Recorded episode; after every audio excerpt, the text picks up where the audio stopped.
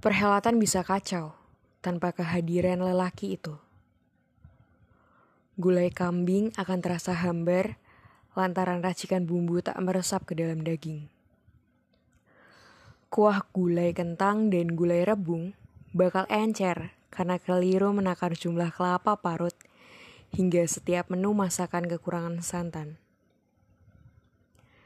Akibatnya, berseraklah gunjing dan celah yang mesti ditanggung tuan rumah.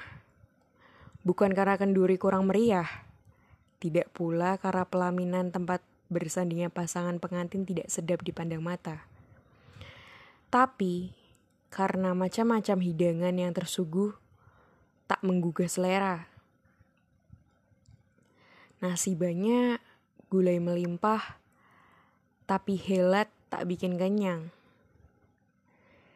Inilah celakanya bila Makaji, juru masak handal itu tak dilibatkan.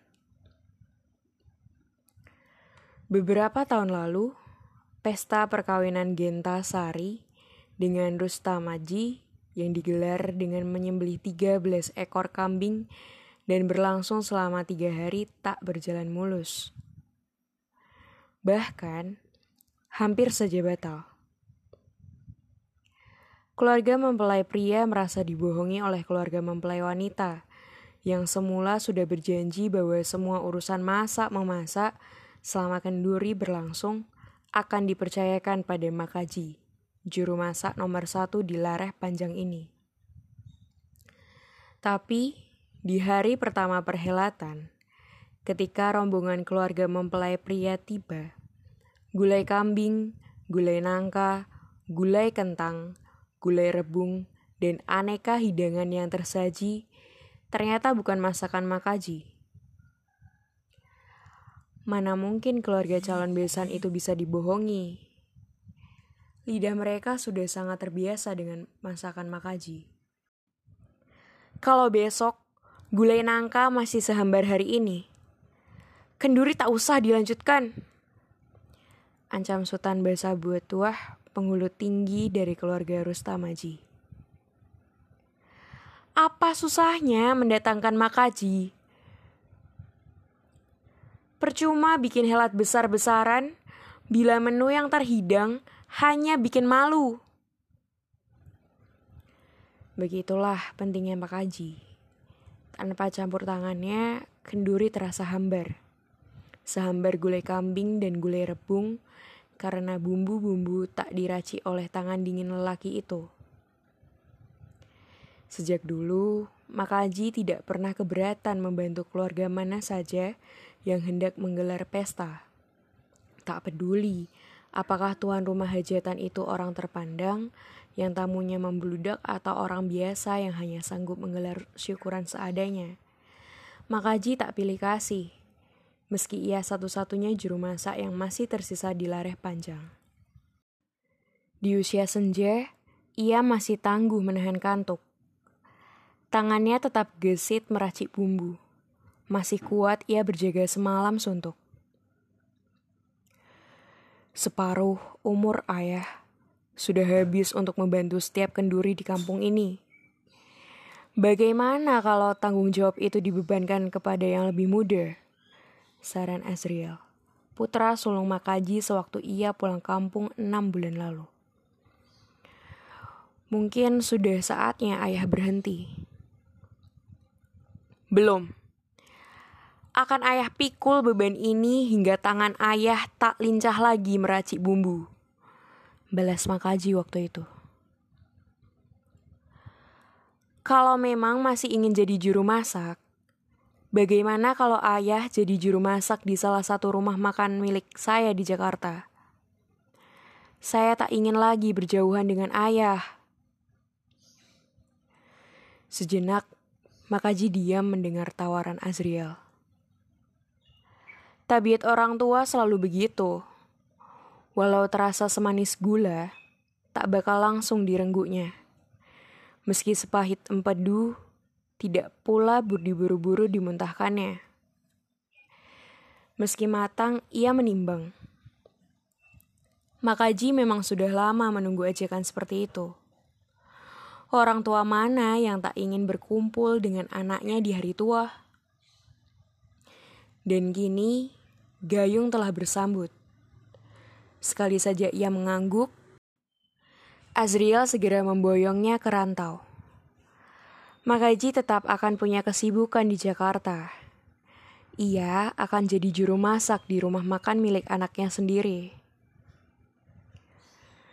Beri ayah kesempatan satu kenduri lagi. Kenduri siapa? Tanya Asriel. Mangkudun. Anak gadisnya baru saja dipinang orang. Sudah terlanjur ayah sanggupi, malu kalau tiba-tiba dibatalkan. Merah pada muka Asriel mendengar nama itu. Siapa lagi anak gadis Mangkudun kalau bukan Tenggo Geni? perempuan masa lalunya. Musabab hengkangnya ia dari lareh panjang, tidak lain adalah Renggo Geni, anak perempuan tunggal Babeleng itu. Siapa pula yang tak kenal Mangkudun? Di lareh panjang, ia dijuluki Tuan Tanah. Hampir sepertiga wilayah kampung ini miliknya. Sejak dulu, orang-orang lareh panjang yang kesulitan uang selalu beres di tangannya. Mereka tinggal menyebutkan sawah, ladang, atau tambak ikan sebagai agunan. Dengan senang hati, Mangkudun akan memegang gadaian itu. Masih segar dalam ingatan Azriel Waktu itu Renggo Geni hampir tamat dari Akademi Perawat di kota. Tak banyak orang lareh panjang yang bisa bersekolah tinggi seperti Renggo Geni. Perempuan kuning langsat pujaan Asriel itu benar-benar akan menjadi seorang juru rawat. Sementara Asriel bukan siapa-siapa. Hanya tamatan madrasah aliyah yang sehari-hari bekerja honorer sebagai sekretaris di kantor kepala desa ibarat emas dan loyang. Itu perbedaan mereka. Bahkan, bila ia jadi kepala desa pun, tak sudi saya punya mantu anak juru masak. Bentak Mangkudun dan tak lama berselang berita ini berdengung juga di kuping Azriel. Laki-laki taat jujur, bertanggung jawab. Renggo yakin kami berjodoh. Apa kau bilang? Jodoh? Saya tidak rela kau berjodoh dengan Azriel. Akan saya carikan kau jodoh yang lebih bermartabat. Apa dia salah? Kalau ayahnya hanya juru masak jatuh martabat keluarga kita bila laki-laki itu jadi suamimu. Paham kau? Derajat keluarga Azriel memang seumpama lurah tak berbatu. Seperti sawah tak berpembatang, tak ada yang bisa diandalkan. Tapi tidak patut rasanya Mangkudun memandangnya dengan sebelah mata. Maka dengan berat hati, Azriel melupakan Renggo Geni. Ia hengkang dari kampung, pergi membawa luka hati. Awalnya ia hanya tukang cuci piring di rumah makan milik seorang perantau dari Lareh Panjang yang lebih dulu mengadu untung di Jakarta. Sedikit demi sedikit dikumpulkannya modal agar tidak selalu bergantung pada induk semang. Berkat kegigihan dan kerja keras selama bertahun-tahun, Azriel kini sudah jadi juragan. Punya enam rumah makan dan 24 anak buah yang tiap hari sibuk melayani pelanggan. Barangkali ada hikmahnya juga Azriel gagal mempersunting anak gadis Mangkudun. Kini, lelaki itu kerap disebut sebagai orang lareh panjang paling sukses di rantau. Itu sebabnya ia ingin membawa Makaji ke Jakarta. Lagi pula, sejak ibunya meninggal, ayahnya itu sendirian saja di rumah. Tak ada yang merawat. Adik-adiknya sudah terbang, hambur pula ke negeri orang. Meski hidup Asriel sudah berada, tapi ia masih saja membujang. Banyak yang ingin mengambilnya jadi menantu, tapi tak seorang perempuan pun yang mampu meluluhkan hatinya. Mungkin Azriel masih sulit melupakan Renggo Geni. Atau jangan-jangan ia tak sungguh-sungguh melupakan perempuan itu. Kenduri di rumah Mangkudun begitu semarak. Dua kali meriam ditembakkan ke langit. Pertanda dimulainya perhelatan agung. Tak biasanya pusaka peninggalan sesepuh adat lareh panjang itu dikeluarkan. Bila yang menggelar kenduri bukan orang berpengaruh seperti Mangkudun, tentu tak sembarang dipertontonkan. Para tetua kampung menyiapkan pertunjukan pencak guna menyambut kedatangan mempelai pria. Para pesilat turut ambil bagian memeriahkan pesta perkawinan anak gadis orang terkaya di Lareh Panjang itu. Maklumlah, Menantu Mangkudun bukan orang kebanyakan, tapi perwira muda kepolisian yang baru dua tahun bertugas. Anak bungsu pensiunan tentara, orang disegani di kampung sebelah. Kabarnya, Mangkudun sudah banyak membantu laki-laki itu. Sejak dari sebelum ia lulus di Akademi Kepolisian hingga resmi jadi perwira muda. Ada yang bergunjing, perjodohan itu terjadi karena keluarga pengantin pria hendak membalas jasa yang dilakukan Mangkudun di masa lalu. Ai, perkawinan atas dasar hutang budi. Mangkudun benar-benar menepati janji pada Renggo Geni bahwa ia akan carikan jodoh yang sepadan dengan anak gadisnya itu, yang jauh lebih bermartabat. Tengoklah, Renggo Geni kini tengah bersanding dengan Yusnaldi, perwira muda polisi yang bila tidak macam-macam, tentu karirnya lekas menanjak. Duh, betapa beruntungnya keluarga besar Mangkudun.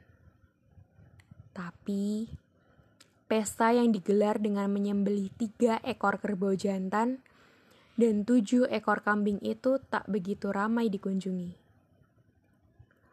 orang-orang lareh panjang hanya datang di hari pertama.